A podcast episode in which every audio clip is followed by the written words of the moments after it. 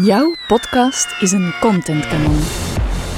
Als jij jouw podcast in de wereld stuurt, dan kan je daar zoveel content uithalen. Het is een voedingsbodem voor al die andere kanalen. Contentkanon. Daar heb ik lang over nagedacht, over die naam. Ik was op zoek naar iets dat juist de kracht en de overvloed van het gegeven goed verwoorden. En het klinkt dan nog eens goed, niet? Dus jouw podcast is een contentkanon en in deze aflevering deel ik acht inspiratiebronnen hoe dat jij jouw podcast kan inzetten op al die communicatiekanalen. Welkom bij Podcastliefde.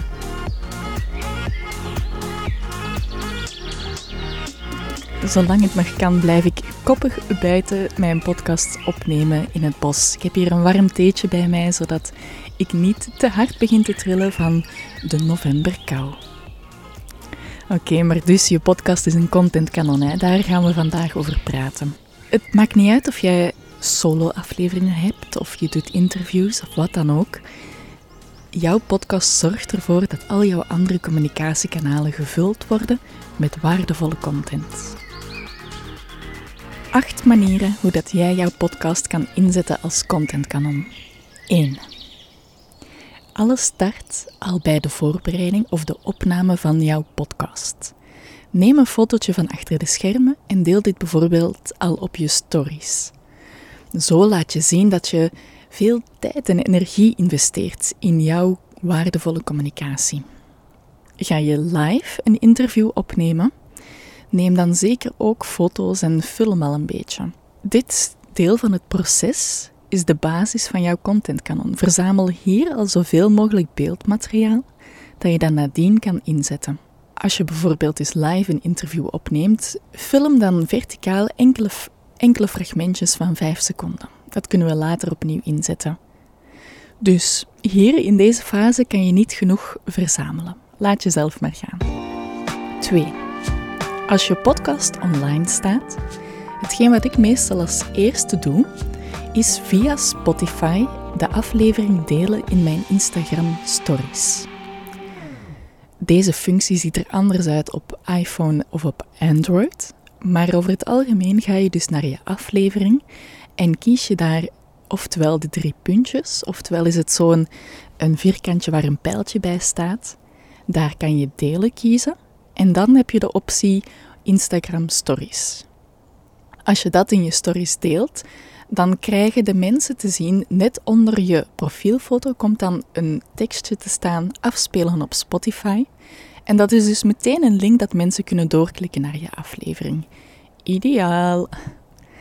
Bij die deeloptie heb je trouwens ook nog WhatsApp bijvoorbeeld staan of mail. Probeer dat ook eens uit. Stuur je aflevering eens persoonlijk naar je netwerk via WhatsApp. Of naar al die duizenden WhatsApp-groepjes waar je in zit. Poneer daar je aflevering en geef een boost aan je luistercijfers. Onderschat de kracht van je eigen netwerk hier niet. Wie weet kent zij dan wel weer iemand anders en voilà, zo gaat de bal aan het rollen. Als derde is het heel leuk om een snippet te delen uit jouw aflevering. Dus je weet wel, zo'n afbeelding, je baseert bijvoorbeeld op jouw uh, podcast art. En daar dan met bewegende golfjes een fragmentje uit je aflevering. Dat kan je heel gemakkelijk doen als je podcast hosting Springcast is. Zij hebben een functie Springs en daarmee maak je een videootje uit je aflevering. Andere tools zijn bijvoorbeeld WAV, W-A-V-V-E of Canva. Ik zal nog linkjes in de show notes zetten zodat jij ermee aan de slag kan. Deze eerste drie stappen dus de beelden van achter de schermen, via Spotify delen en een videofragment van jouw aflevering. Dat is voor mij echt wel de basis. Dus heb jij geen zin om alle acht stappen uit te proberen, start dan met deze drie. Als je dan toch content aan het creëren bent, bijvoorbeeld in Canva, dan is het ook heel leuk dat je een format maakt. Bijvoorbeeld van een story, dat je kan gebruiken om aan te kondigen dat er een nieuwe aflevering is. Je kan dan hè, bijvoorbeeld nieuw on de podcast en dan een foto van jou. Daar kan je een beetje wisselen met de kleuren, zodat het er elke keer anders uitziet. En dan met de linksticker op Instagram kan je bijvoorbeeld daar dan bij zetten: luister hier. Je kan ook zo'n formatje maken voor een post. Dat je dan nadien niet enkel op Instagram kan delen, maar ook op LinkedIn, op YouTube als het een video is, op Facebook uiteraard. Heb jij een social media tool om je content in te plannen? Dat is helemaal prima. Dan kan je dat ineens op die kanalen tegelijkertijd doen. Ik doe bijvoorbeeld op Instagram meestal eerst, omdat ik daar ook echt online aanwezig ben als daar content verschijnt, zodat ik het ook kan delen in mijn stories, dat ik kan reageren op reacties. Dat is allemaal goed voor het algoritme. Maar Facebook is niet mijn primaire communicatiekanaal, dus daar plan ik dat dan s'avonds in. Wanneer dat de kindjes in bed liggen meestal. Ik heb zelf geen kindjes, maar voor eh, het doelpubliek, dus daar plan ik dan s'avonds in. En daar kijk ik eigenlijk niet naar, maar dan staat het er wel. Net hetzelfde als bij LinkedIn. Zo heb je toch beweging in die kanalen waar dat je minder focus aan wilt geven, maar die worden dus ook gewoon gevuld en het kost jou geen extra moeite. Zalig toch? 5. Een nieuwsbrief. Dat vind ik toch ook wel een heel belangrijke stap, maar om eerlijk toe te geven doe ik dat ook niet voor elke aflevering. De focus dat je hier legt in je verhaal is uiteraard, er is een nieuwe aflevering, want het is een nieuwsbrief. Ik combineer soms enkele afleveringen, dus bijvoorbeeld op het einde van de maand geef ik, deel ik een nieuwsbrief met dan drie afleveringen in, een korte beschrijving en uiteraard een linkje waar dat ze kunnen luisteren. Je kan dit ook voor elke aflevering doen natuurlijk. Ga hier nog niet superveel in op de content. Deel al wel zo teasende, teasende inhoud. Vertel een beetje waar het over gaat gaan. Maar de boodschap hier is vooral: er is een nieuwe aflevering. 6. Een blog. Hier mag je dan wel weer veel dieper ingaan op jouw boodschap. Mensen houden ervan om content op een verschillende manier tot zich te nemen. De ene die is meer visueel ingesteld, de andere meer auditief. Dus door een blog te maken en echt ook wel stukjes uit te schrijven, geef je weer een mogelijkheid aan je volgers of aan je tribe om jouw kennis op een andere manier te verwerken. Hier kan je ook leuke foto's bij zetten, licht een quote uit.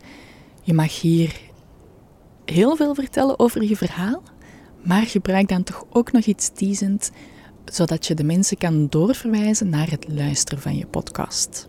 Is er bijvoorbeeld een stukje waar dat je een beetje emotioneel wordt of waar dat je een persoonlijke anekdote vertelt? Schrijf deze dan niet uit in je blog, maar zet dan bijvoorbeeld: Wil je de krak horen in mijn stem? Luister dan hier naar deze aflevering. 7. Hier gaan we aan de slag met al het materiaal dat je in stap 1 hebt verzameld. Dus de beelden achter de schermen, de video's. Je kan bijvoorbeeld nu je videofragmentjes in een reel zetten. Ik maak dat bijvoorbeeld in Premiere Pro, hè? maar als je dat iets gebruiksvriendelijker wil doen, is Canva hier ideaal voor. Canva heeft ook een formatje. Um, dan moet je een nieuw ontwerp maken en de rails kiezen. Dat is wel belangrijk, want als je gewoon storyformaat doet, dan heb je geen video.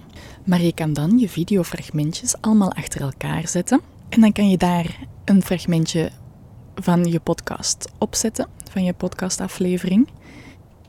Je kan er ook voor kiezen om dit enkel met foto te doen. Maar geef een beetje de sfeer mee van achter de schermen. Um, laat dit minder droog zijn. Je mag hier een beetje humor of poëzie gebruiken. Doe je eigen ding ermee, maar ga aan de slag met de sfeer omtrent jouw podcast. En dan zijn we al bij de laatste. Ik hoop dat je hoofd nog niet helemaal vol zit. Dit is nu de laatste dat ik aanhaal. Maar the sky is the limit. Er zijn zoveel mogelijkheden. Maar nummer 8. Herhalen. dat is eigenlijk heel simpel, maar zo ongelooflijk waardevol en uniek aan dit mooie podcastkanaal. Je content staat online. Die is daar. Je hebt een geluidsbank van al jouw kennis. Je hebt een repertoire. Zet dit dan ook opnieuw in in jouw contentkanalen. Je content is duurzaam. Bijvoorbeeld, Je merkt dat je opeens veel nieuwe Instagram-volgers erbij krijgt. Deel dan in je stories nog eens, zo via Spotify, zoals ik in stap 2 uitlegde, de aflevering over jezelf in je stories. Zo hoef je je niet elke keer opnieuw op Instagram voor te stellen of andere kanalen, maar heb je ja, die ene aflevering waar dat je iedereen terug opnieuw naar kan verwijzen.